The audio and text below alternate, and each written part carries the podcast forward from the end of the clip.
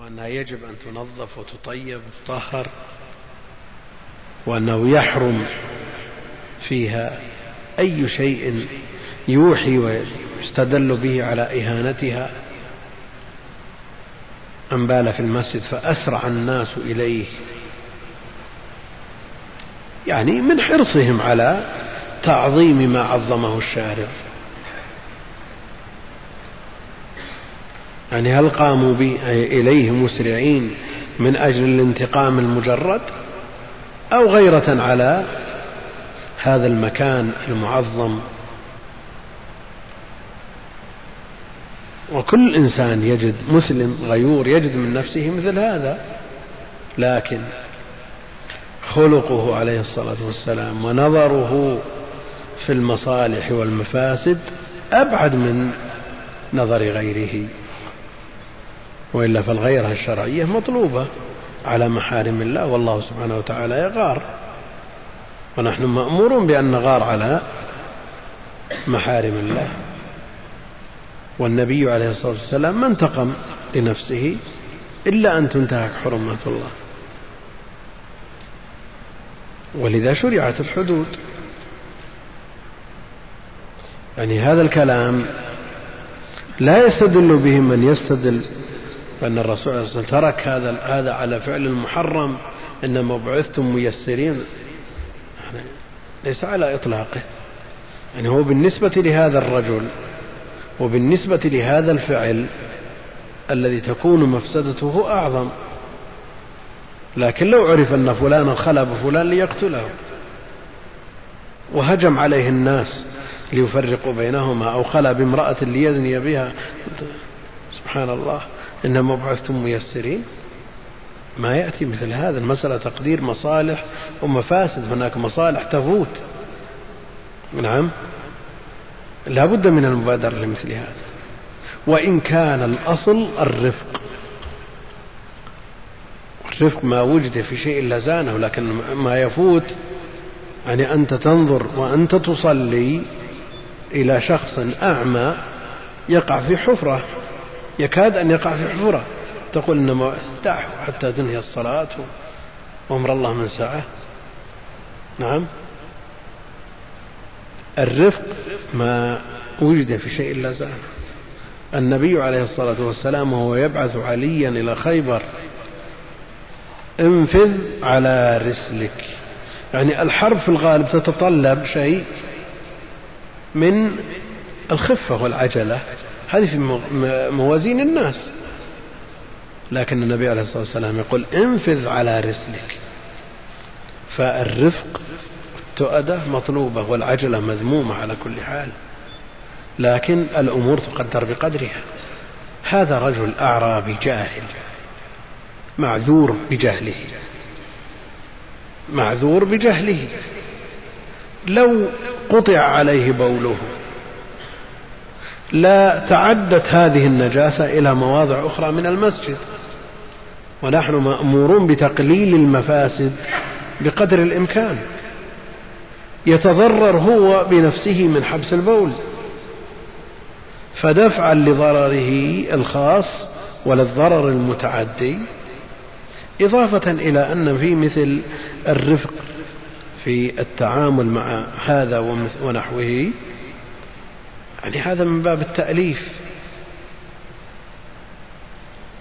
فأسرع الناس إليه فقال لهم رسول الله صلى الله عليه وسلم إنما بعثتم ميسرين. نعم هذه وسيلة ناجحة من وسائل الدعوة. يعني تأتي إلى شخص ما صلى تستدعيه بقوة وتنهره وتصلي ولا فعلنا ولا تركنا نعم الأخذ على أيدي السفهاء وأطرهم على الحق. إذا لم تجد فيهم الوسائل أمر مطلوب. وأيضا إقامة الحدود بما فيها القتل أمر مطلوب شرعا. لكن هناك آه، الدعوة باللين والرفق في بداية الأمور. ثم إذا لم توجد اللين انتقل إلى ما هو أشد الأشد. فالأشد إنما بعثتم ميسرين ولم تبعثوا معسرين. نعم الأسلوب المنفر. الأسلوب الذي يترتب عليه من المفاسد ما هو أعظم من المصلحة المرجوة يترك. إنكار المنكر بما يحقق المصلحة ولا يترتب عليه مفسدة أعظم واجب فرض. لكن إذا ترتب على إنكار المنكر مفسدة أعظم من المنكر الأصلي لا يجوز أن تتعرض له. إلا بقدر ما يحقق المصلحة دون مفسدة. قد يترتب على ذلك مفاسد يسيرة مغمورة في جانب مصلحة بمسألة موازنة بين مصالح ومفاسد.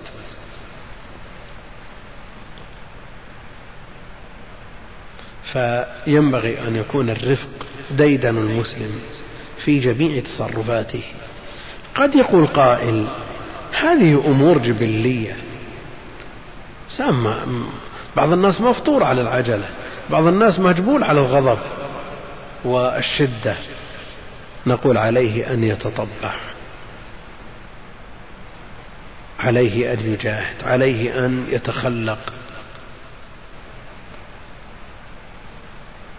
وإذا انفلتت نفسه في وقت من الأوقات ولم يستطع غفل عن تكييفها على مقتضى الشرع واستغفر وندم سريعا ما له أثر هذا. حصل مواقف من أبي بكر حصل مواقف من عمر من خيار الأمة ما قد يلاحظه بعض الناس إذا أردنا تطبيق مثل هذا الخبر. لكنهم تحصل منهم ومن غيرهم الهفوة والزلة التي يغفلون عنها فيها عن مثل هذا التوجيه النبوي لكن سرعان ما يثوب ويعتذر لمن حصل منه عليه الخطأ. حصل. أبو بكر اعتذر عمر اعتذر خيار الأمة يعتذرون إذا وقع منهم الخطأ. ثم يمحى أثر في الدنيا والآخرة. الخصم يرضى ويقنع ويمحي ما في نفسه والله سبحانه وتعالى يعفو ويتجاوز. وعلى من بلي بشيء من سوء الخلق أن يلزم الاستغفار وأن يستحضر مثل هذه النصوص وأن يزم نفسه بزمام الشرع. هريقوا عليه دلوا من ماء. هكذا تطهر النجاسة الواقعة على الأرض بإراقة ما يغمرها من الماء دلوا من ماء أو سجلا من ماء. السجل هو هو الدلو. وبعضهم يقول المراد بالسجل هو الدلو المملوء بالماء. وعلى كل حال قوله من ماء يبين أنه دلو ليس بفارغ إنما هو مملوء بالماء. أو سجلا من ماء وبهذا تطهر الأرض من دون نقل لترابها ومن دون آه، قلب له. يكفي أن يغمر بالماء. رواه البخاري فرقه في موضعين واتفق الشيخان على قصة البول من حديث أنس. والله أعلم وصلى الله وسلم وبارك على عبده ورسوله نبينا محمد وعلى آله وصحبه أجمعين. هذه امرأة تقول امرأة مريضة وبها نقص شديد في المناعة. وقابلة لأي التهاب أو فيروس أجرت عملية في الرأس فأمرها الطبيب أن تصلي مستلقية على ظهرها لا تتحرك لمدة ثلاثة أيام وإلا سوف يضر بالرأس فلم تستطع الوضوء ولا استخدام التراب للتيمم خوفا من انتقال العدوى من التراب فطلب التراب من المستشفى فلم يتوفر ذلك. فصلت من غير وضوء لمدة يومين فهل فعلها هذا صحيح؟ لا يكلف الله نفسا إلا وسعها. فاذا قرر الأطباء أن المرض يزيد أو يتأخر البرء مع فعل أي واجب هذا مبرر لترك ذلك الواجب. تبقى مسألة العدوى وانتقالها من شخص إلى شخص وأن المرض هل يتعدى أو لا يتعدى. جاء في الحديث الصحيح لا عدوى ولا طيرة لا عدوى ولا طيرة وجاء فيه فر من المجذوم فرارك من الأسد. لا يورد ممرض على مصح.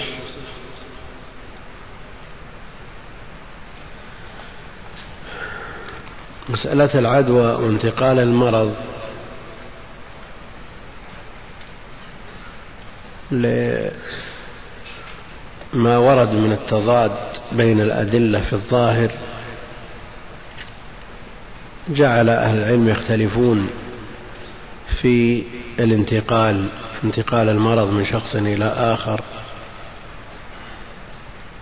فمن أثبته استدل بحديث فر من المجذوم فرارك من الأسد لا يورد ممرض على مصح ومن نفاها قال لا عدوى ولا طيرة ومن أعدى الأول ولأهل العلم التوفيق بين هذه النصوص مسالك منهم من يقول أنه لا عدوى بحال فمخالطة المريض مثل مخالطة الصحيح السليم ولا فرق لحديث لا عدوى.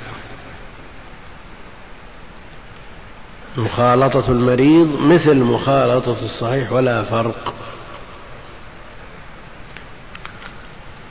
إذا لماذا أمرنا بالفرار من المجذوم كالفرار من الأسد؟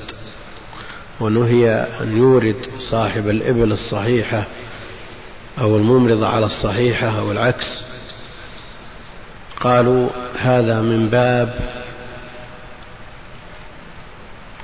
الاحتياط للدين من باب الاحتياط للدين لا للدنيا لا للجسد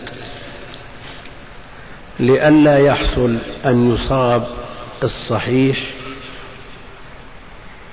بأمر الله جل وعلا لا بسبب الاختلاط بالمريض فيقع في نفسه أنه حصل له ذلك المرض بسبب المخالطة وأن المرض تعدى من المريض إليه فيحصل له بذلك ضرر في دينه فيقع في مخالفة الخبر. وليس المراد به الاحتياط للبدن للجسد للدنيا لا. إنما المراد به الاحتياط للدين وإلا فلا عدوى أصلا ولا ضرر على الجسد من المخالطة لكن خشية أن يصاب الصحيح بنفس المرض أو بجنس المرض الذي في ذلك المريض فيقع في نفسه أن المرض انتقل والنبي عليه الصلاة والسلام يقول لا عدوى فيقع في نفسه شيء من رد الخبر أو تكذيب الخبر. هناك مسلك آخر يراه جم من أهل العلم أن المنفي لا عدوى أن يتعدى المرض بنفسه. لا بإذن الله جل وعلا. يكون في المرض قوة وسراية يتعدى بنفسه. والذين أثبتوا هذه العدوى هم نفوا أن يتعدى المرض بنفسه. وأثبتوا أن المخالطة سبب والسراية من الله جل وعلا. مخالطة المريض سبب للانتقال انتقال المرض منه من المريض إلى الصحيح. وعلى كل حال سواء قلنا أن سواء أثبتنا العدوى بأمر الله جل وعلا وأن المخالطة سبب مجرد سبب كما يتعرض الإنسان للمرض إذا برز إلى الهواء والجو بارد. كذلك يتعرض للمرض إذا خالط المريض والممرض هو الله عز وجل كما أنه هو الشافي. وعلى كل حال ينبغي أن يلاحظ مثل هذا والأطباء يبالغون في هذا الباب. يبالغون في هذا الباب ويرون أن الأمراض تنتقل ويمنعون ويحتاطون لذلك أشد الاحتياط. ومعلوم أن عموم الناس يباشرون مرضاهم في القديم والحديث. يباشرونهم ويخدمونهم ويأكلون معهم وينامون معهم مع ذلكم. لا تعرف هذه السراية نظرا لقوة التوكل. أما مع الخوف من هذه السراية تجعل النفس قابلة عقوبة لضعف التوكل. كما أن من يخاف من العين أسرع ما تصير إليه العين. وهكذا. فعلينا أن نتوكل على الله عز وجل. نعم إذا عملنا بالقول الآخر وأن المخالطة سبب وأن المسبب هو الله عز وجل له وجه وهو قولنا مع أن هذا لا يخدش في التوكل.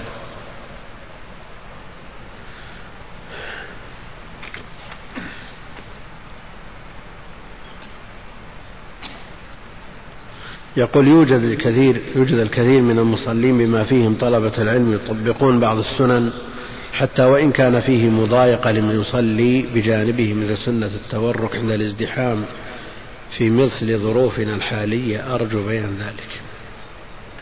الحرص على تطبيق السنة علامة على التوفيق علامة على التوفيق. فعلى الإنسان أن يتعلم السنن. ويحرص على تطبيقها لأن الفائدة من العلم العمل يحرص على تطبيق السنن ويفقه كيف يطبق هذه السنن. فلا يرتكب محظور وهو بصدد تطبيق سنة. بعض الناس لا يستطيع الموازنة بين السنن وبين ما يضاد هذه السنن. حتى وجد من ينفر أشد النفور من الملاصقة ولمس القدم بالقدم فضلا عن التراص المأمور به. وبعض الناس يعرف أن التراص مطلوب وإلزاق الكعب بالكعب صنيع الصحابة. ويغفل عما عداه. فتجده يحرص أن يلصق القدم بالقدم والمناكب متباعدة. فإذا وجد فرجة بينه وبين جاره مد رجليه. ليس هذا تطبيق السنة. السنة المحاذاة بالمناكب والأقدام. وعلى هذا تكون مستوى الأقدام على مستوى المناكب. بعض الناس يضيق ما بين قدميه ويطلب من جاره أن يلصق به ومنكباه عريضان. هذا يؤذي ويتأذى. والعكس بعض الناس يبعد ما بين قدميه وما بين منكبه ومنكب الآخر شبر. هذا موجود. بعض الناس يفحج الرجلين كأنه هذا ما هو تطبيق السنة. تطبيق السنة أن يكون المستوى واحد والمحاذاة واحدة. لا ينظر إلى الأقدام ويهمل المنكبين ولا عكس وعلى كل حال الحرص على تطبيق السنة الحرص على تطبيق السنة علامة توفيق ولينظر من بجانبه وأن يلين بيد أخيه. بعض الناس ينفر أشد النفور من أدنى ملامسة. بل وجد من طلاب العلم من يقطع الفريضة لوجود خيط رفيع نازل من ثوبه إلى رجله. عنده حساسية شديدة. الناس يتفاوتون في هذا. ووجد بعض الناس لما يحصل له من الأذى في هذا الباب من يربي بعض الأظافر من أجل أن ينفر من بجانبه لئلا يلتصق به. لا هذا ولا هذا كل هذا خلاف السنة. لا تؤذي جارك. واحرص على تطبيق السنن بقدر الإمكان ولا تقع في محظور وأنت تحاول تطبق سنة. فعلينا أن نوازن ونفقه كيف نطبق السنن.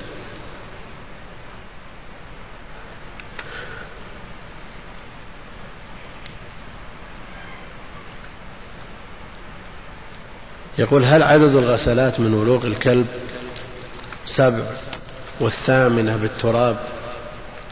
أم أنها ستة والسابعة بالتراب؟ غسلات الماء سبع.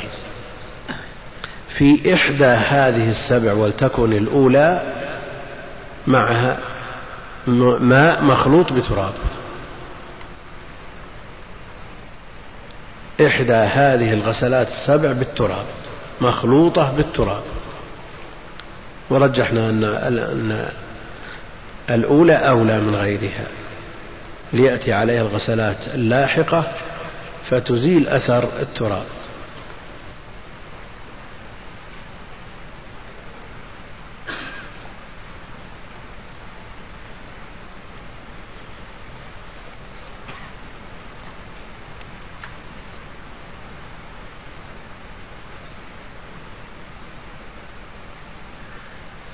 يقول من يبدع أهل العلم ويحذر منهم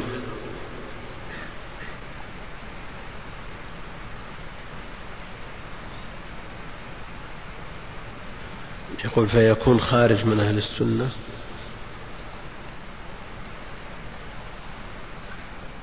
من يبدع أهل العلم إن كان مراده بأهل العلم أهل السنة فهو على خطر عظيم. هو على خطر عظيم. لأن إيش ضابط البدعة عنده إن كان من أهل السنة هو؟ وإن كان الذي يبدعهم مبتدع فكل طائفة ترى أن الطائفة الأخرى المخالف لها مبتدعة لا عبرة بذلك. والعبرة بما كان عليه النبي عليه الصلاة والسلام وأصحابه. وعلى كل حال الوقوع في أعراض أهل العلم جريمة هي غيبة محرمة يقترن بها التهوين من شأن ما يحملونه من علم. فإن كان من يرميهم بالبدعة هم مبتدعة بالفعل عليه أن ينظر كيف يتكلم وما الدافع إلى هذا الكلام وما الداعي له لأنه قد يكون فيه شوب بدعة. لكن مصلحته والمصلحة من مؤلفاته أعظم من المفسدة التي فيها. وإذا ترتب على قولنا مثلا فلان مبتدع وحذرنا منه كون طلاب العلم لا يستفيدون من علمه ولا من مؤلفاته نكون حرمناهم من الخير. نعم لا يمنع أن بل لا بد من بيان البدع. والرد على المبتدعة لكن بالأسلوب المناسب الذي يحقق المصالح ولا يترتب عليه مفاسد. وكثير من طلاب العلم يقول لماذا لا تبين وتبرز البدع التي في الكتب التي يحتاجها الناس؟ قل يصنف كتاب خاص بمخالفات ابن حجر العقدية في فتح الباري. نقول لا داعي لذلك. الأمر يتم بدون ذلك. يتم بالتعليق على الكتاب. وقل مثله في النووي قل في القرطبي قل في كثير من كتب شروح الحديث والتفسير. لأننا لو أبرزنا هذه الأخطاء لو أبرزنا هذه الأخطاء لحلنا بين طلاب العلم وبين الإفادة من هذه الكتب. لكن إذا علقنا بما يحصل به المقصود على الكتاب وأفاد منها طلاب العلم وانتبهوا حققنا المصالح دون أي مفسدة.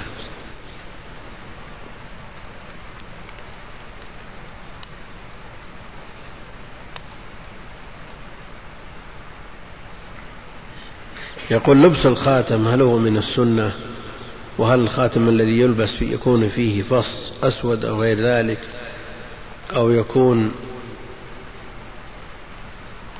فيه كلام مثل كفى بالموت واعظا أو يتركه أملسا مصقولا أو من السنة عدم لبس الخاتم. النبي عليه الصلاة والسلام لبس الخاتم متى؟ لما قيل له أن فارس والروم لا يقرؤون من الكتب إلا ما كان مختوما فاتخذ الخاتم وكتب فيه محمد رسول الله. فاتخاذه للحاجة فمن كان يحتاج الخاتم مثل القاضي والوالي على كل حال من يحتاجه هو سنة في حقه. ومن لا يحتاجه يبقى على أن التحلي للنساء على هذا القول. ومنهم من يطلق أنه سنة مطلقا لبسه النبي عليه الصلاة والسلام والأصل الاقتداء فيلبس مطلقا. لكن إذا عرفنا السبب الباعث للنبي عليه الصلاة والسلام على لبسه عرفنا من يلبسه ومن لا يلبسه.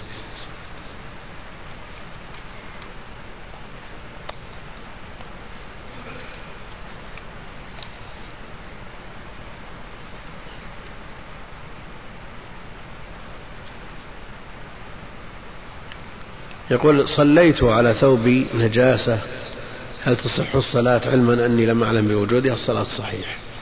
الصلاة صحيح. إذا لم تعلم بها أصلا إلا بعد انقضاء الصلاة فالصلاة صحيح. إذا علمت قبل دخولك في الصلاة ثم نسيتها كذلك على القول المرجح وإن كان المعروف عند الحنابلة أنه يلزمه الإعادة فإن علمها أو جهلها ثم صلى أعاد عندهم.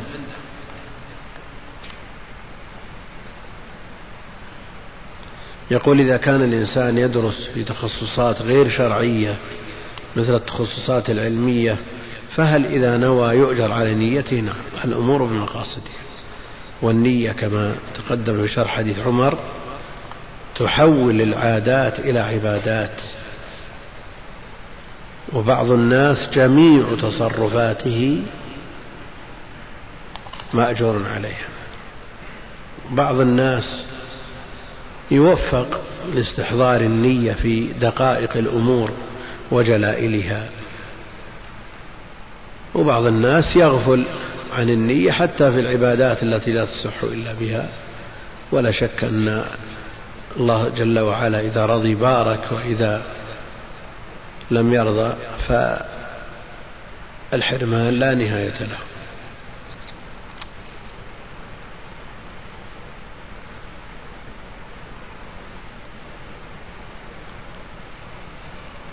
يقول ذكرتم أن الكافر غير مطالب بفعل الأوامر وقد قال تعالى قالوا لم نكن من المصلين ولم نكن نطعم المسكين وكنا نخوض مع الخائضين. فهم هنا ذكروا الأوامر والنواهي. سقط الخلاف. وقلت أن قول جماهير أهل العلم أنهم مطالبون بالأوامر والنواهي وعليه الأدلة هو المرجح عند أهل العلم. وذكرت أن قول الحنفية أنهم غير مطالبين لا بأوامر ولا بنواهي لتخلف شرط القبول وهو الإيمان. وذكرت أن قول للإمام مالك أنهم مطالبون بالنواهي لأنه يتصور منهم الانكفاف وغير مطالبين بالأوامر لأنهم لفقد الشرط شرط القبول. على كل حال المرجح هو قول الجماهير من أنهم مطالبون بالأوامر والنواهي معا.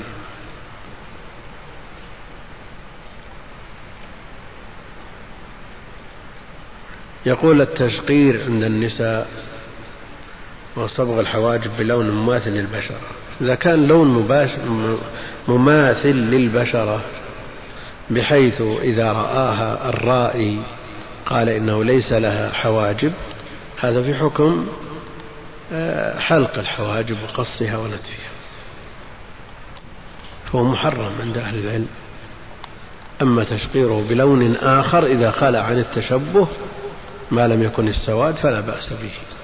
وما حكم صباغة الشعر للمرأة بغير السواد؟ لا بأس. وقص على وجه لا يشبه الكفار؟ لا بأس. نساء النبي عليه الصلاة والسلام بعد وفاته كما في الحديث الصحيح يأخذن من شعورهن هذا إذا سلم من التشبه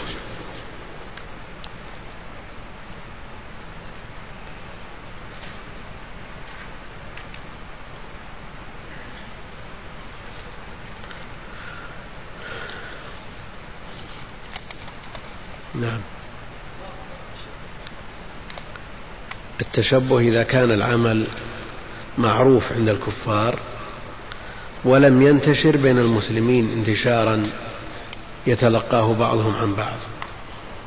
فمثلا عندنا هنا في هذه البلاد المعهود لبس الثياب. من لبس غير الثياب مما هو من لباس الكفار يكون متشبه. لكن في بعض بلاد المسلمين لا يختلف لباسهم عن لباس الكفار. وحينئذ اللابس يقلد أباه ويقلد عمه يقلد خاله يقلد جده. لا يكون متشبها لا سيما أن اللباس عرفي يرجع فيه إلى الأعراف ما لم يرد فيه نص بخصوصه.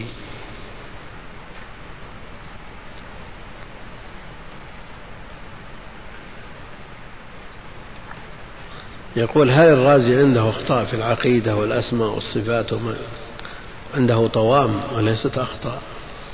عنده طوام أخطاء شنيعة يحذر منها ويشدد التنفير من كتبه. وإن ثبت له كتاب السر المكتوم فأمره عظيم. استعانة بالنجوم. ردة عن دين الله عز وجل لكن يتداول أهل العلم توبته ورجعته ورحمة الله التي وسعت كل شيء. آه، لن تضيق بمن هو دون الشرك. إن الله لا يغفر أن يشرك به ويغفر ما دون ذلك لمن يشاء. وعلى كل حال أمره إلى الله وأما كتابه فهو في غاية الضرر لطالب العلم.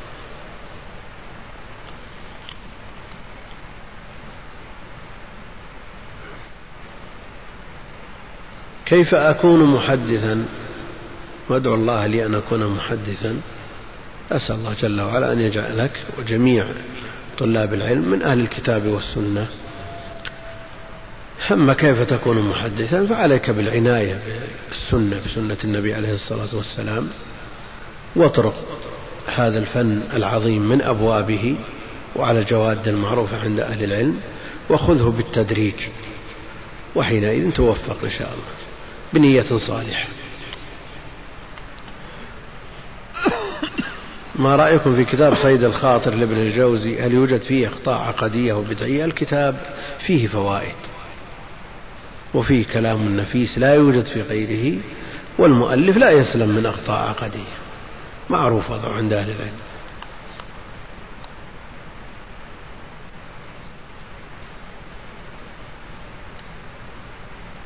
من مر على شبابه في طريقه إلى المسجد وقد أقيمت الصلاة هل يتجه إليهم ويدعوهم إلى الصلاة أو يستعجل لإدراك تكبيرة الإحرام؟ لا إدراك تكبيرة الإحرام سنة والأمر بالمعروف واجب.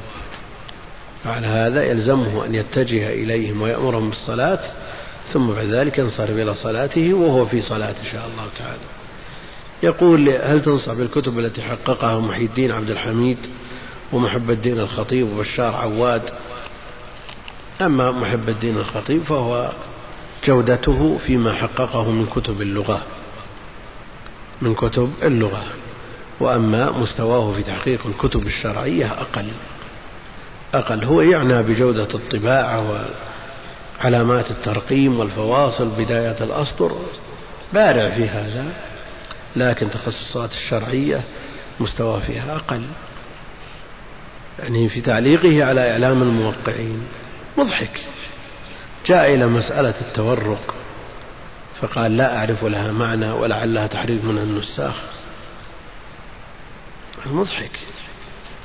شخص يتصدى عميد كلية اللغة يعني مو بإنسان عادي لكن هكذا يقع إذا تعاطى الإنسان غير فنه.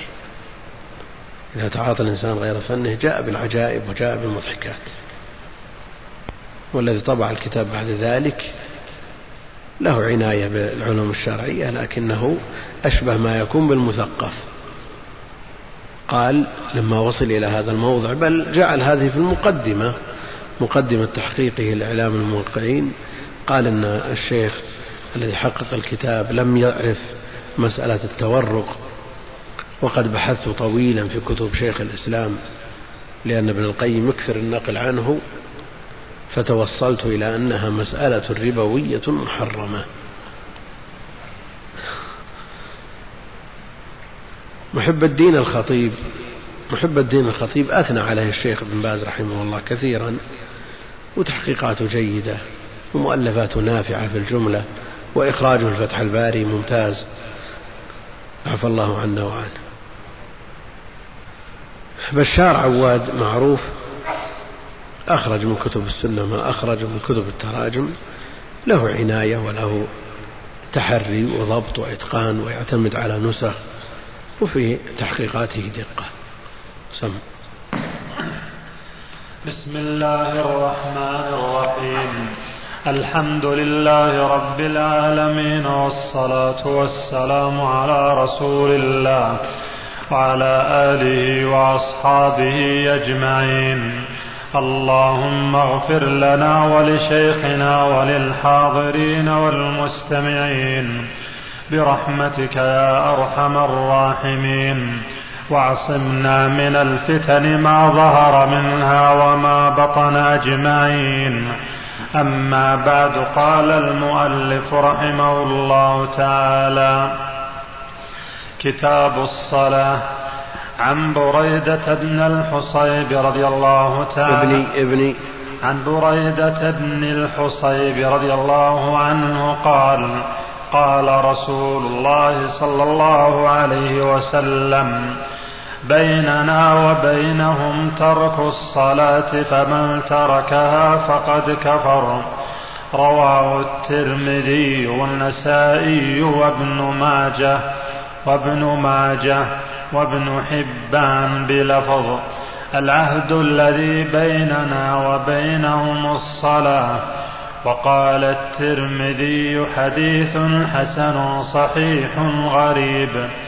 ولمسلم من حديث جابر رضي الله عنه بين الرجل وبين الشرك والكفر ترك الصلاة. الحمد لله رب العالمين وصلى الله وسلم وبارك على عبده ورسوله نبينا محمد وعلى آله وصحبه أجمعين. يقول المؤلف رحمه الله تعالى كتاب الصلاة الصلاة. بدأ المؤلف رحمه الله تعالى بشرطها وهو الطهارة.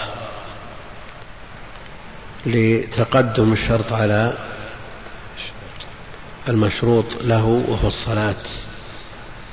وإلا فالأصل أن يبدأ بالصلاة في كتب الفروع لأنها أعظم أركان الإسلام والبداءة بشروطها من البداءة بها. تقديم الطهارة للاهتمام بها إذ لا يقبل الله صلاة من أحدث حتى يتوضأ لا يقبل الله صلاة بغير طهور ولا صدقة من غلول. فالطهارة شأنها عظيم ولذا قدمت على المشروط وهو الصلاة عند عامة أهل العلم. الإمام مالك رحمه الله تعالى قدم الوقوت على الطهارة لأن الوقت عنده أهم من الطهارة وإليه ميل شيخ الإسلام رحمه الله تعالى في مسائل يأتي ذكر بعضها إن شاء الله تعالى. الصلاة ثاني أركان الإسلام وشأنها في الإسلام عظيم. بني الإسلام على خمس شهادة أن لا إله إلا الله وأن محمد رسول الله وإقام الصلاة وإيتاء الزكاة والحج وصوم رمضان أو صوم رمضان والحج. على الاختلاف في الروايات أما الركن الأول فمن تركه أو لم يأت به فهو كافر إجماعا. أمرت أن أقاتل الناس حتى يقولوا لا إله إلا الله. حتى يقولوا لا إله إلا الله بما تقتضيه من الشهادة بالرسالة للنبي عليه الصلاة والسلام. وأما الصلاة فأحاديث الباب وغيرها تدل على أن من تركها يكفر. كفر أكبر مخرج عن الملة وهو لجمع من الصحابة والتابعين وأهل التحقيق من الأئمة وأهل العلم وهو المفتى به. الآن أن من ترك الصلاة يكفر. كفر أكبر مخرج عن الملة. ويرى جمع آخرون أنه لا يكفر وأنها موبقة. من الموبقات وأنه يقتل. على القول الأول وأنه يكفر يقتل ردة. وعلى القول الثاني وأنه لا يكفر وهو منسوب إلى جمهور أهل العلم. وإن كان المنقول عن الصحابة خلاف هذا القول. عبد الله بن شقيق يقول كانوا لا يرون شيئا من الأعمال تركه كفر إلا الصلاة. يعني بذلك الصحابة والخبر صحيح. أقول من قال إنه لا يكفر وهو على خطر عظيم حتى على هذا القول يقتل يقتل حدا لأبي حنيفة رحمه الله تعالى أنه لا يقتل بل يحبس. حتى يصلي أو يموت.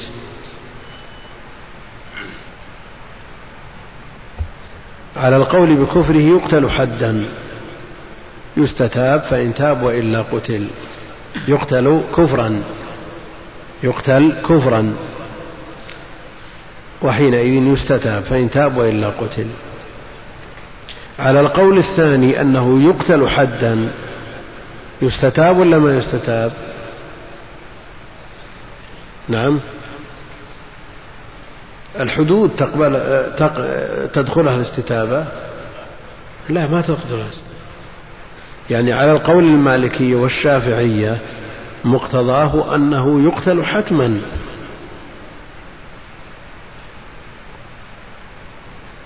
أنه يقتل حتما ولا يستتاب كما لو زنى أو سرق يقطع أو شرب يجلد تنفعه التوبة بينه وبين ربه لكن الحد لا بد من نفاذه. هنا يقول عن بريدة بن الحصيب قال قال رسول الله صلى الله عليه وسلم بيننا وبينهم ترك الصلاة فمن تركها فقد كفر. بيننا وبينهم ترك الصلاة. فمن تركها فقد كفر ترك الصلاة. ويصدق الترك بفرض واحد. ولذا يرى جمع من أهل العلم أن من ترك فرضا واحدا متعمدا حتى يخرج الوقت أنه لا يقضي لا ينفعه القضاء. خلاص خرج من الدين لابد أن يدخل من جديد. ونقل عليه ابن حزم الإجماع. نقل ابن حزم الإجماع على هذا القول. وإن كان الإمام ابن عبد البر رحمه الله نقل الإجماع على خلافه وهو أنه إذا ترك فرضا حتى يخرج الوقت يقضيه. وعلى كل حال هو قول عامة أهل العلم أنه يقضي. عليه التوبة والاستغفار من التأخير وعليه القضاء. بيننا وبينهم ترك الصلاة من تركها فقد كفر. وإذا كفر يقتل. ومفهوم قوله جل وعلا فإن تابوا وأقاموا الصلاة إيش؟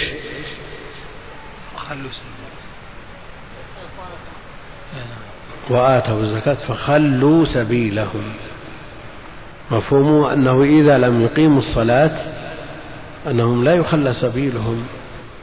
كما أن مفهوم حديث نهيت عن قتل المصلين نهيت عن قتل المصلين أن الذي لا يصلي يقتل.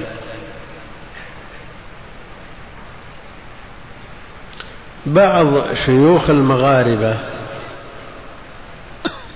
يقولون بعض شيوخ المغاربة نقل عنه أن مسألة كفر تارك الصلاة نظرية ليست عملية. إيش معنى هذا الكلام؟ نعم.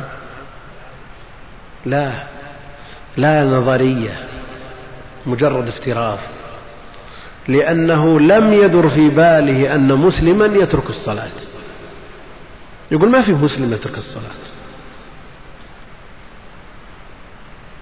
يقول هذه افتراضية. يعني لو قدر أنه وجد مسلم يترك الصلاة هل يكفر أو لا؟ أو يقتل أو لا يقتل. افتراضية.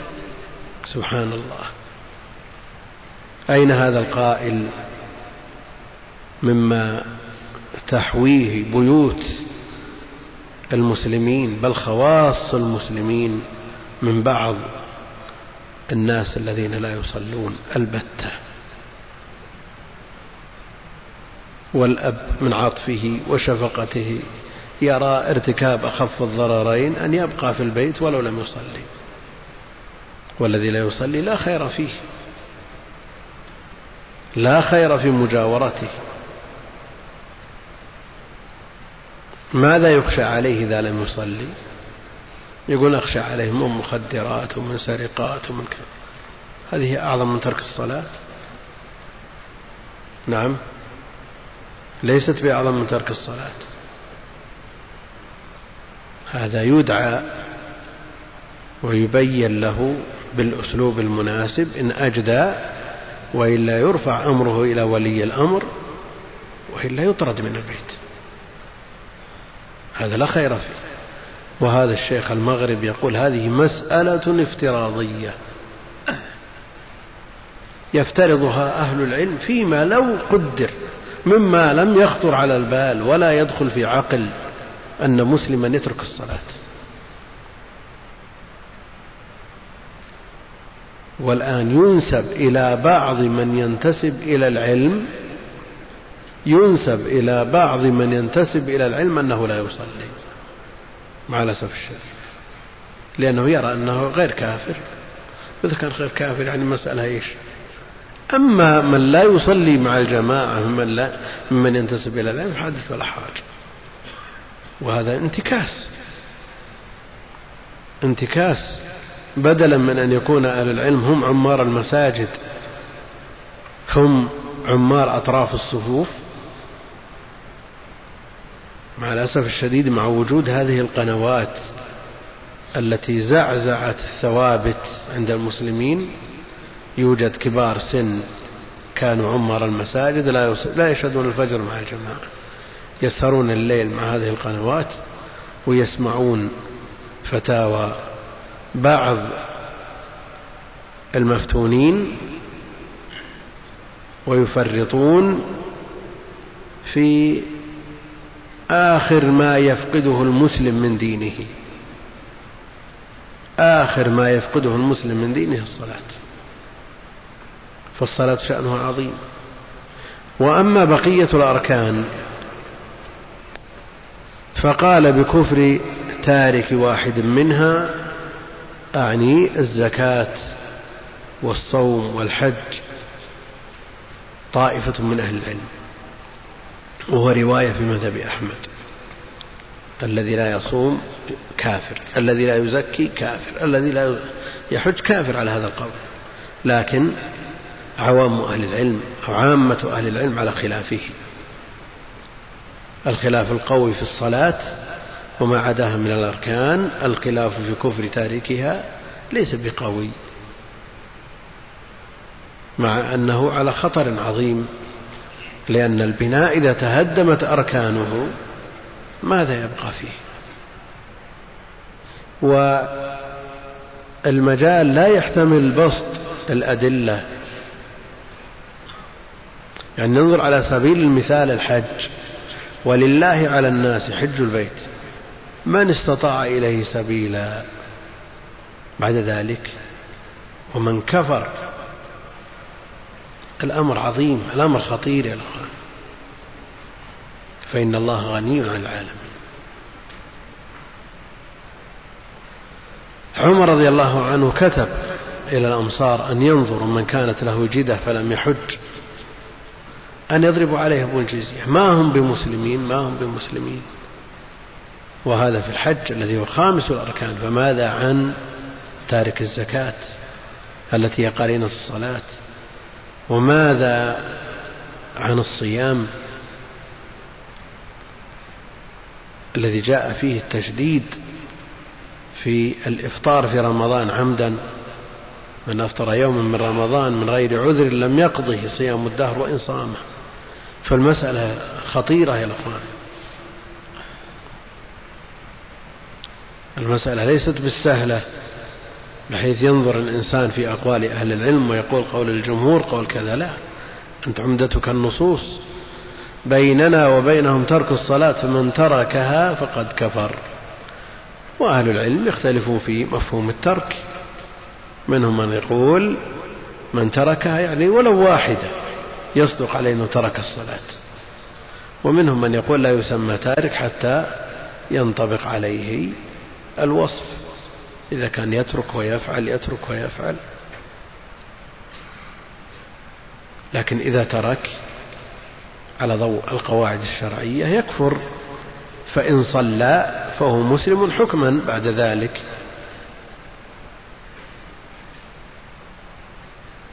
فعلى عموم المسلمين أن يتعاونوا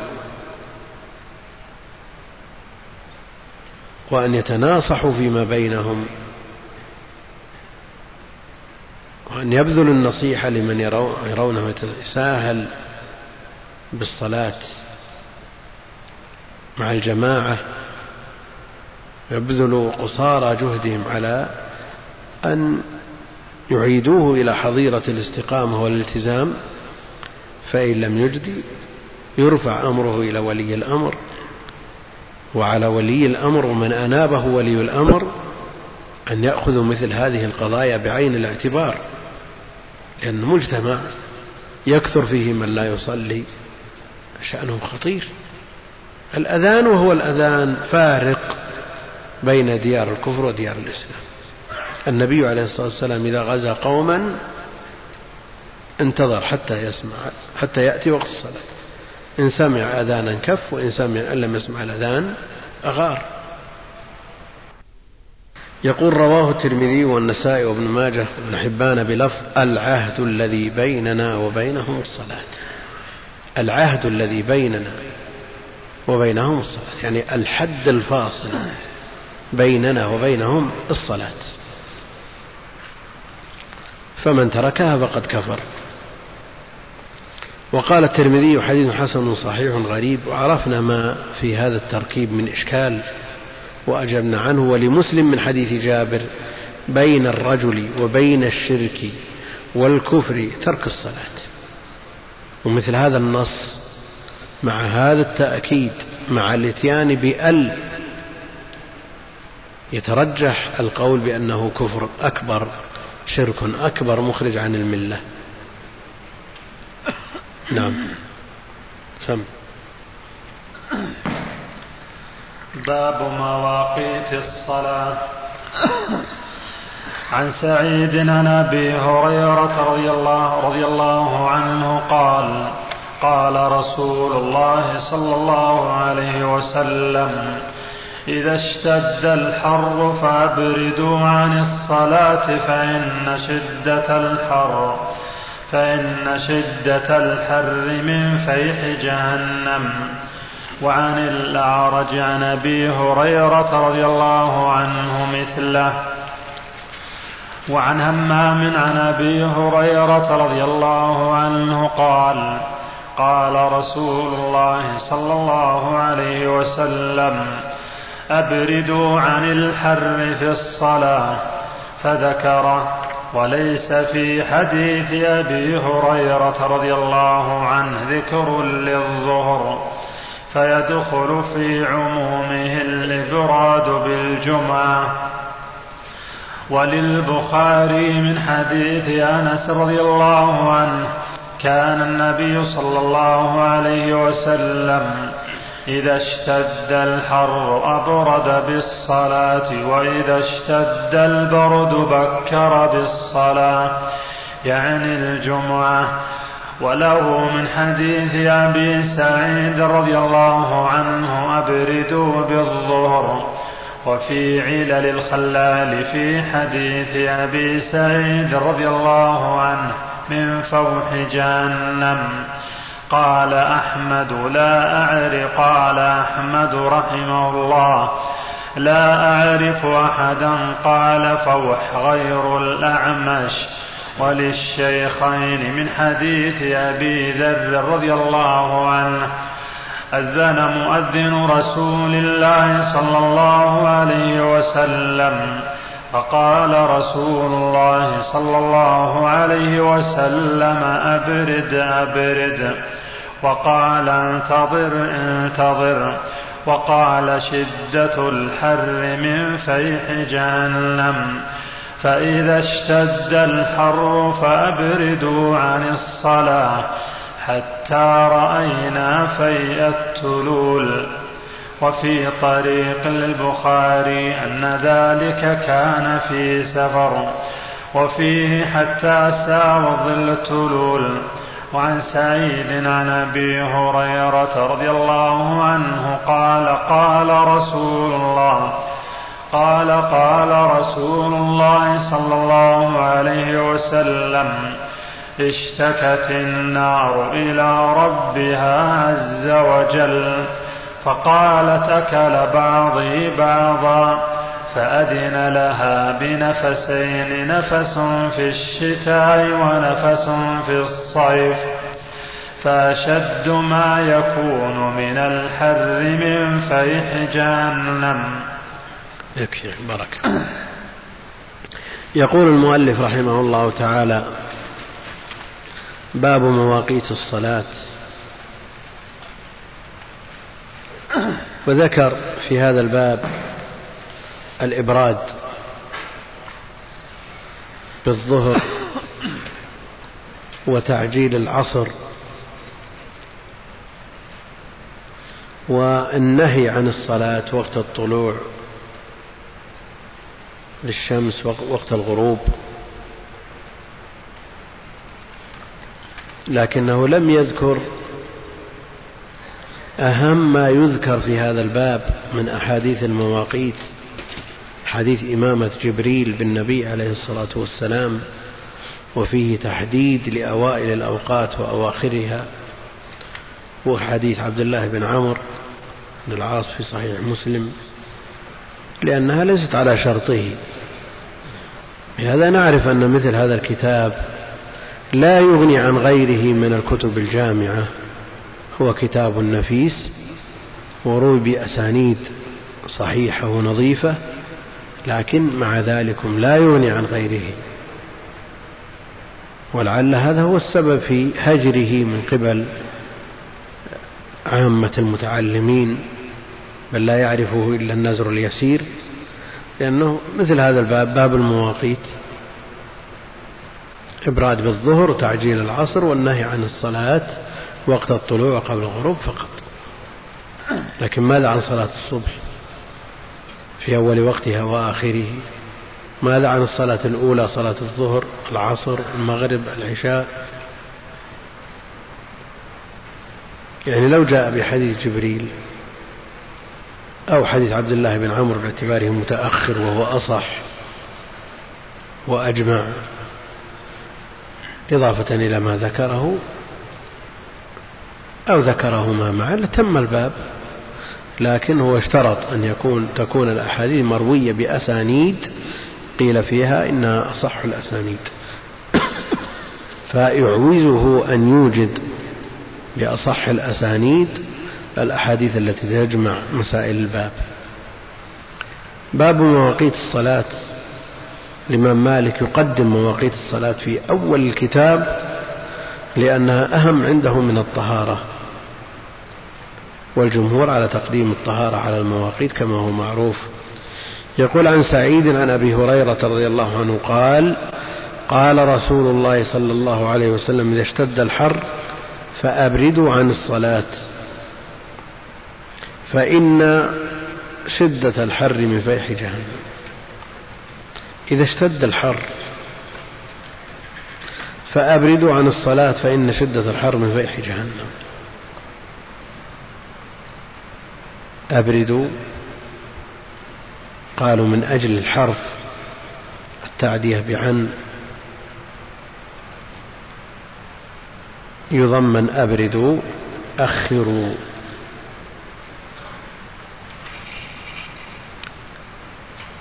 والمفعول أنفسكم عن الصلاة.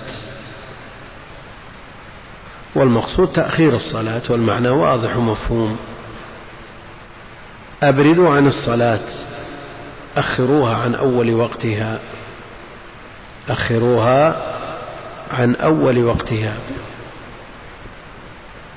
لأن الخروج في شدة الحر يشق على الناس.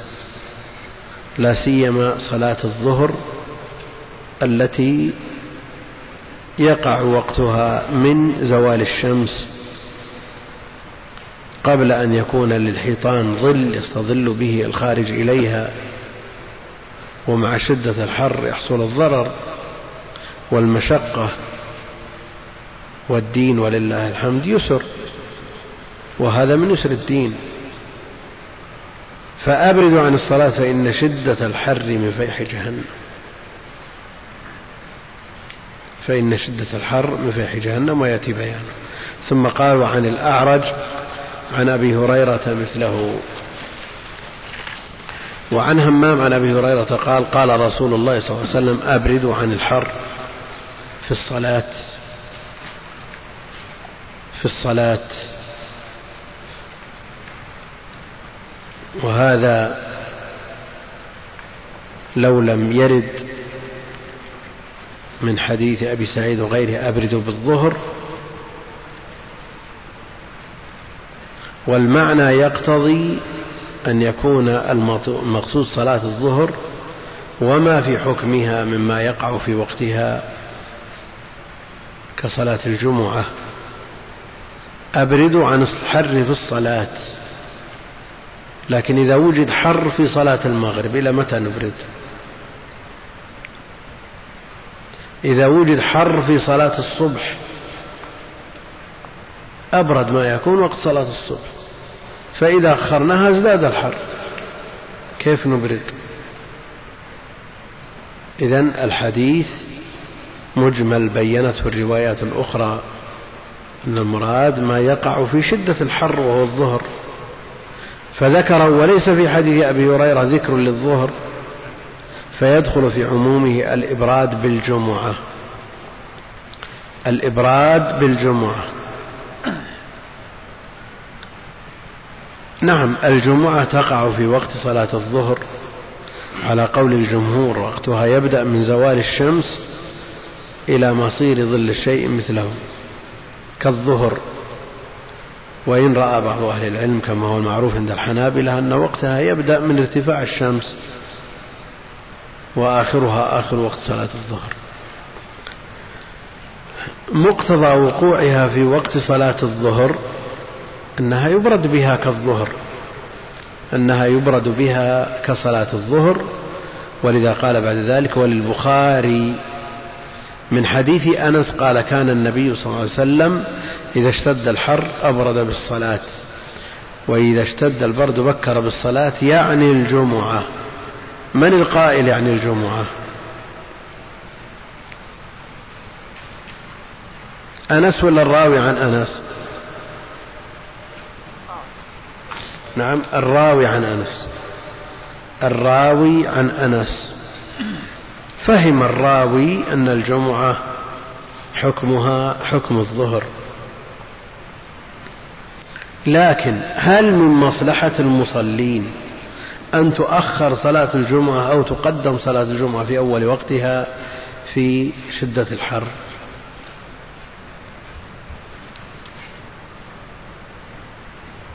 نعم. نعم. الأرفق بالمصلين أن تقدم في أول وقتها.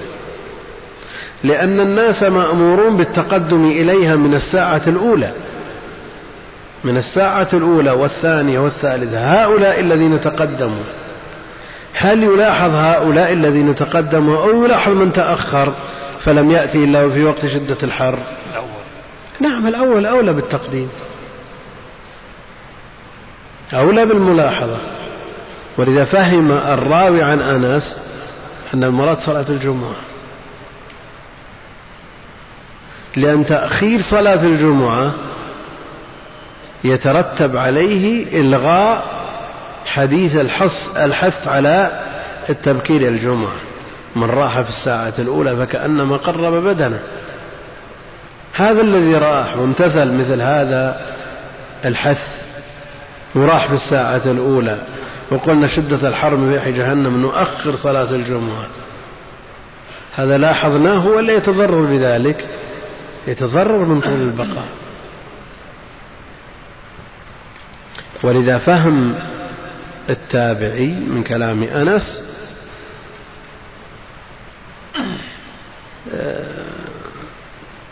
يخالفه حديث الحث على التقدم إلى صلاة الجمعة. يقول فيدخل في عمومه الإبراد بالجمعة. رأي الإمام مالك في ساعات الجمعة أنها ساعات لطيفة كلها بعد الزوال كل الساعات الخمس بعد الزوال. وهذا يناسب أهل الكسل يحصل على هذه على البدنة ولم يأتي إلا بعد الزوال رأي مرجوح عند أهل العلم عامة أهل العلم على خلافه.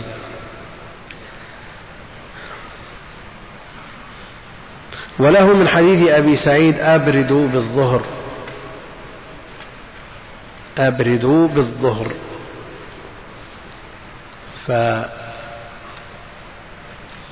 فعينت الصلاة التي أجملت في حديث أبي هريرة وغيره. أبردوا في الصلاة. والمعنى يقتضي أن يكون أن تكون الصلاة يراد بها صلاة الظهر.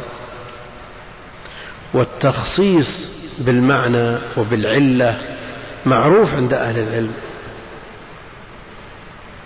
التخصيص بالعلة المعقولة معروف عند أهل العلم. قد يقول قائل أن تأخير صلاة الظهر من الساعة الثانية عشرة والربع والنصف إلى الثالثة في آخر وقتها ما يحل الإشكال كل حر. الإشكال ما ينحل. ينحل بأي شيء؟ بوجود فيء التلول ظل الحيطان. وأيضا ينحل كما قال بعض أهل العلم من جهة أخرى وهو أنه يكون خروج المصلي إلى الصلاتين الظهر والعصر واحد. إذا خرج إلى صلاة الظهر في آخر وقتها بعد أن وجد الحيطان ظل لا شك أنه أيسر عليه من أن يخرج والشمس فوق رأسه. كما أنه إذا خرج إليها في آخر وقتها يستفيد البقاء في المسجد حتى يؤدي صلاة العصر كما يقول بعض أهل العلم فيكون كأنه جمع جمعا صوريا وله من حديث أبي سعيد أبرد بالظهر وفي علل الخلال. من حديث أبي سعيد من فوح جهنم. العلل للخلال كتاب جامع. كتاب عظيم. من فوح جهنم. جله متلقى عن الإمام أحمد. قال أحمد لا أعرف أحدا قال فوح غير الأعمش. فوح وفيح. ما الأصل في هذا الواو أو الياء. فاح يفوح. فوحا ولا فيحا؟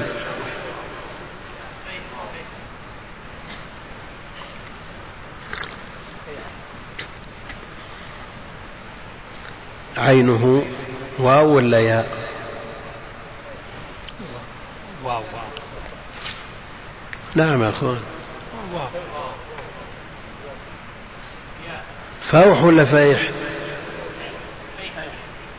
هي الروايات جلها على فيح. عينه ياء نعم. عينه لا أصل مادة الكلمة دعنا من المت... آه، المشتقات.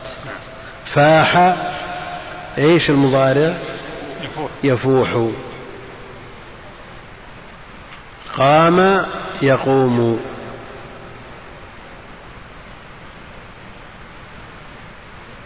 ماذا نقول في الاسم لا في المصدر؟ دعنا من قيام وصيام لا ترد علينا فياح. لا نريد المصدر. نريد الاسم اسم المصدر. نعم لأنه واوي تقول فوحا. نعم. فار يفور فورا. صام يصوم صوما. فأصلها الواو. قال أحمد لا أعرف أحدا قال فوح غير الأعمش.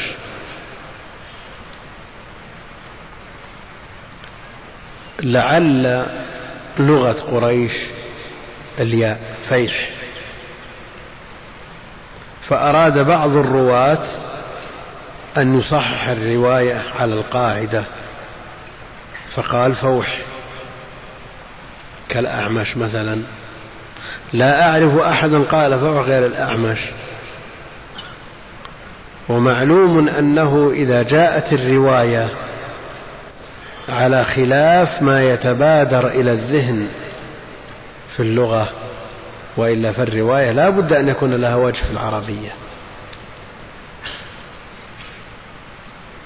الآن في سنن أبي داود الحرب. ها.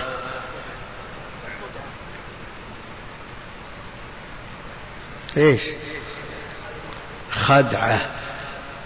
الحرب خدعة. لغة النبي عليه الصلاة والسلام. الله خلقكم من ضعف. ضعف ولا ضعف؟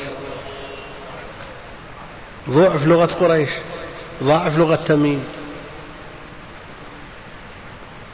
فيأتي أحد يهجم لأنه ما يعرف إلا ما يتبادر إلى ذهنه فيصحح مثل ما هنا. إذا لم تستح فاصنع ما شئت. صحيح ولا خطأ؟ بدون ياء ترجم الإمام البخاري باب إذا لم تستح حاء بدون كسرة. تستحي فاصنع ما شئت. والحديث في البخاري إذا لم تستحي بالياء. فاصنع ما شئت. يهجم بعض الناس ويصحح. خلاص. لم هذه تحذف. تحذف حرف العلة. ليش تبقى الياء. نقول لغة قريش إن استحيا يستحيي بيائين إن الله لا يستحيي أن يضرب بيائين لم هذه حذفت ياء وبقيت ياء. فالخبر إذا لم تستحي فاصنع ما شئت.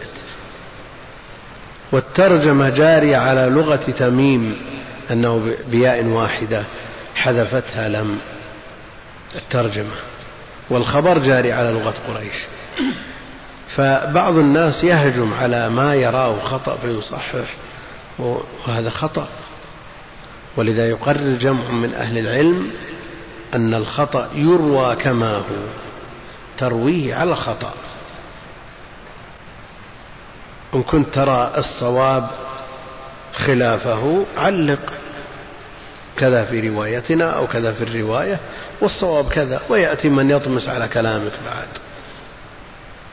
وكم من كلمة رجحها بعض المحققين وجعلها في الصلب قال في نسخة كذا تحت والذي في النسخة أصح من ما رجحه وأصوب. ولذا التحقيق لا ينبغي أن يتصدى له إلا أهل الخبرة. وإلا كم يسيء من يتصدى لتحقيق الكتب وهو لا خبرة لديه. وعلى كل من أراد أن يزاول صنعة التحقيق أن يقرأ ما كتبه أهل الحديث في كيفية كتابة الحديث وضبطه. أمور قواعد لم يسبقوا إليها. قواعد وضوابط وتحري وإتقان ودقة لا توجد عند غيرهم. وبعض من يكتب في كتب التحقيق تحقيق النصوص ونشرها يظن أنه جاء بالجديد جاء بما تأتي به الأوائل كتاب أو علم ينشر لأول مرة. يقوله بعضهم كيف ينشر لأول مرة؟ رجع إلى كتب المصطلح؟ وقرأ هذا الباب المهم. كتابة الحديث وضبطه اترك الخطأ كما هو. وعلق في الحاشية. أنت هذا الذي بان لك. يأتي من يبين له أن ما, أن ما تظن خطأ هو الصواب. وهذه مسألة ينبغي أن ينتبه لها. ولذلك تجدون في الصحيح في صحيح البخاري في النسخ المضبوطة المتقنة كلام يقرأه القارئ ما يرى الوجه. لكن يكتبون عليه صح. أو صاد ضبة يضببون عليه أو يكتبون عليه صح. لئلا يهجم عليه أحد فيصحح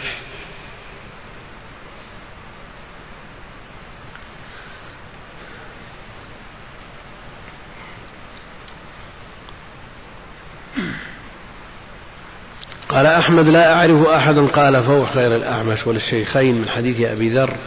أذن مؤذن رسول الله صلى الله عليه وسلم فقال له عليه الصلاة والسلام أبرد أبرد. أذن فعل ماضي. وأشرنا سابقا إلى أن الفعل الماضي يطلق ويراد به الفراغ من الفعل وهو الأصل. يطلق ويراد به إرادة الفعل يطلق ويراد به الشروع في الفعل. فهل نقول أن المؤذن بلال أذن وفرغ من الأذان كما هو الأصل؟ أذن مؤذن رسول الله صلى الله عليه وسلم فقال له الرسول عليه الصلاة والسلام أبرد أبرد انتظر انتظر. أو نقول إنه أراد الأذان وعلم النبي عليه الصلاة والسلام بذلك فقال له أبرد.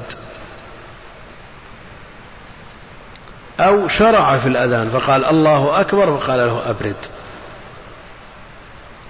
كلها محتملة. كلها محتملة. وهذا إذا حملنا الأذان على الإعلام بدخول الوقت. اللي هو الأذان المعروف. أما إذا حملناه على الإقامة وهي أذان لحديث بين كل أذانين صلاة فلا إشكال لأن الإقامة لا بد فيها من إذن الإمام. ويكون الأذان إعلام بدخول الوقت والصلاة متى ما تيسرت متى ما ذهب الحر يقام للصلاة وتؤدى. الأذان هل هو حق من حقوق الوقت أو هو من حقوق الصلاة؟ هو للإعلام بدخول الوقت فقط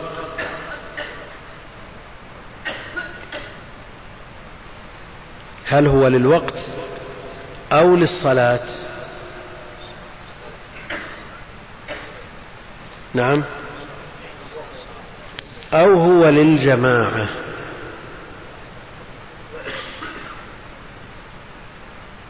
للوقت. إعلام بدخول الوقت. إعلام بدخول الوقت. وحينئذ إذا دخل الوقت يؤذن. ولو أخرت الصلاة. وعلى هذا إذا فات وقته لا يؤذن للصلاة لأنه انتهى وقته. وإذا قلنا أنه من أجل الصلاة بغض النظر عن الوقت قلنا يؤذن للصلاة ولو خرج وقتها. كما حصل حينما نام النبي عليه الصلاة والسلام من صلاة الصبح ولم يوقظهم إلا حر الشمس أذن الصلاة. أذن للصلاة. وإذا قلنا للجماعة قلنا ليجتمع الناس فيؤذن لها ولو خرج وقتها كما فعل النبي عليه الصلاة والسلام. وبكل قال جمع من أهل العلم. عموما يعرفون الأذان بأنه الإعلام بدخول وقت الصلاة. إذا كانت الصلاة تؤخر ساعتين عن وقتها.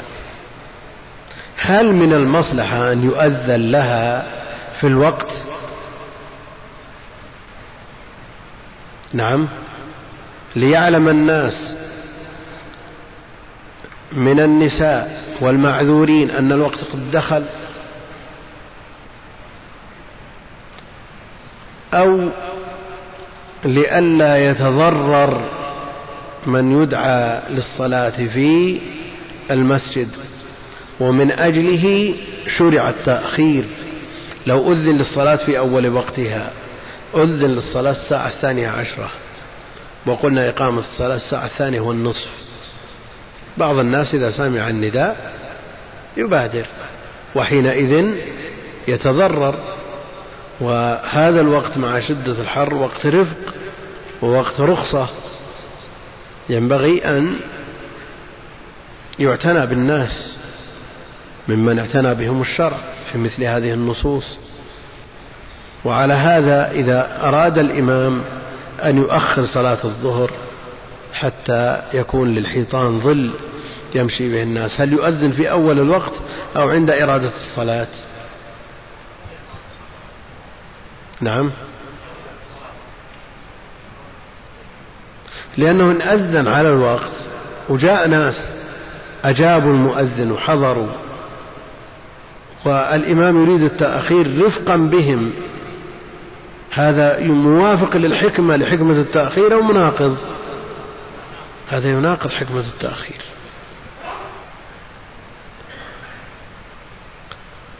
الآن حينما اقتضى أو اقتضت المصلحة تأخير أذان العشاء في رمضان مدة نصف ساعة. هل الأولى أن يؤذن الناس على دخول الوقت أو الأولى أن يتأخر الأذان إلى الوقت المحدد الذي حدده الإمام مما هو في حيز الوقت؟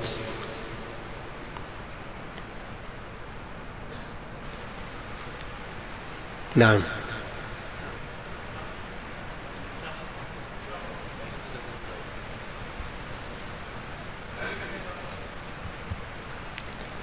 امرأة حاضت بعد مضي ساعة ونصف من صلاة من أذان المغرب ولما يؤذن المؤذن إلا بعد نصف ساعة. يلزمها صلاة المغرب ولا ما يلزمها؟ الآن خرج وقت صلاة المغرب. الحقيقي غاب الشفق ولم يؤذن للعشاء. في هذه الفترة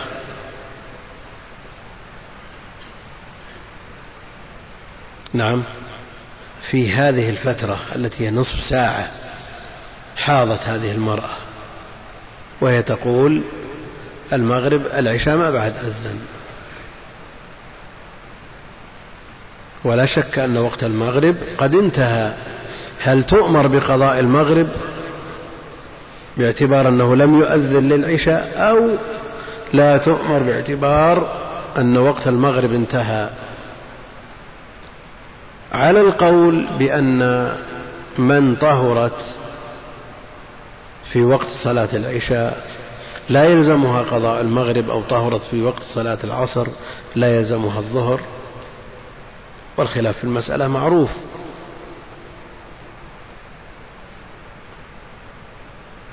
والمسائل المترتبة على هذا كثيرة. فهل الأولى أن يؤذن مع الوقت أو يؤذن عند قرب الصلاة؟ لئلا لا نشق على الناس بأن ندعوهم إلى إلى الصلاة والنية تأخيرها.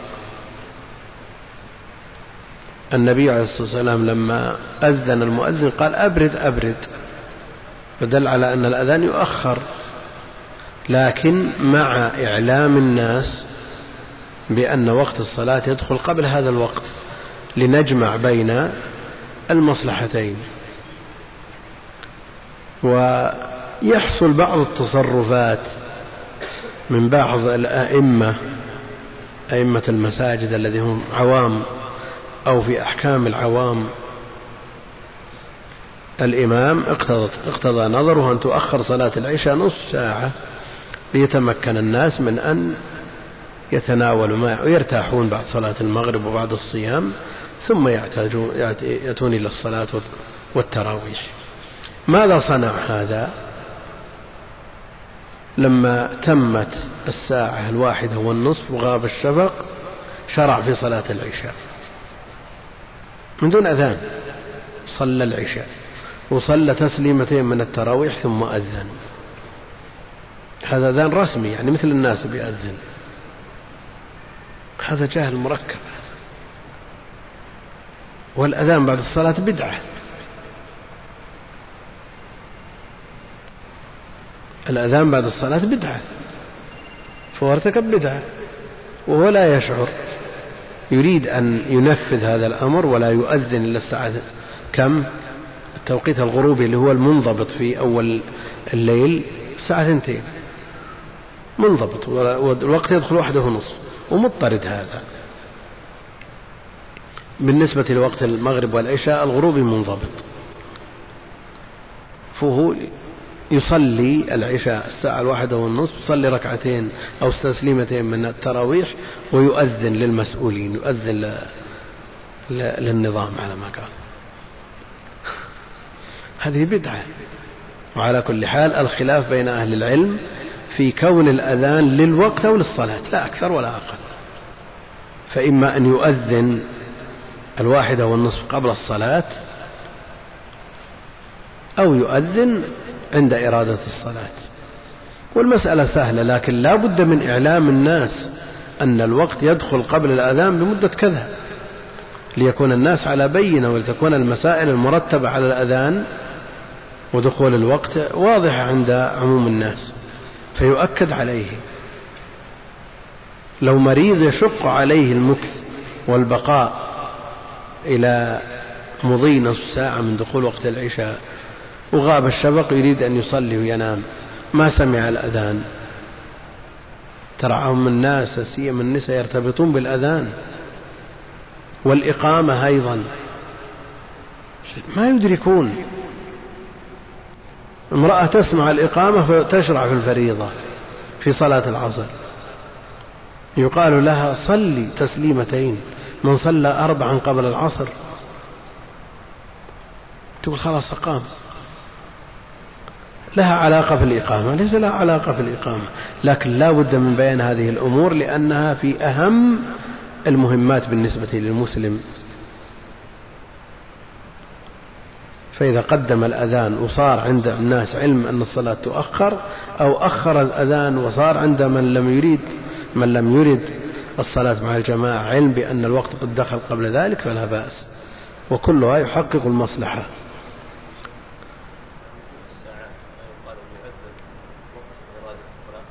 اي لكن عوام المسلمين ما يدرك أن الوقت يدخل قبل الأذان. إذا بين لهم يبين لهم بوسائل الإعلام والامر ميسور الآن. يعني بقدر ما يسمع الناس الآذان أو لا يسمعون أو انتشار هذا الأمر يسمعون أيضا ما يدلهم ويبين لهم الحق.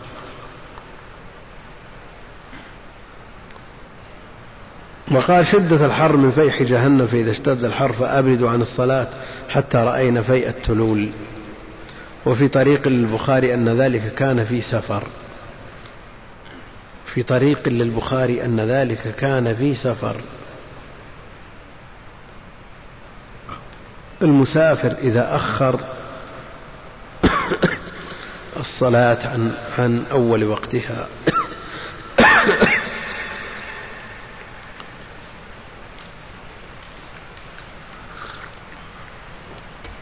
إذا أخر المسافر الصلاة هل يوجد حيطان يستظل بها؟ نعم هل يوجد حيطان يستظل بها المسافر؟ نعم التل إذا كان بطريقة مستوية كالحائط يصير له ظل وإلا في الغالب أن التلول يصير لها ظل يسير لا يقي الماشي من حر الشمس. أيها الأحبة في الله في طريق للبخاري ما تبقى من مادة هذا الشريط؟ تتابعونها في الشريط التالي. مع تحيات إخوانكم في تسجيلات الراية الإسلامية بالرياض والسلام عليكم ورحمة الله وبركاته.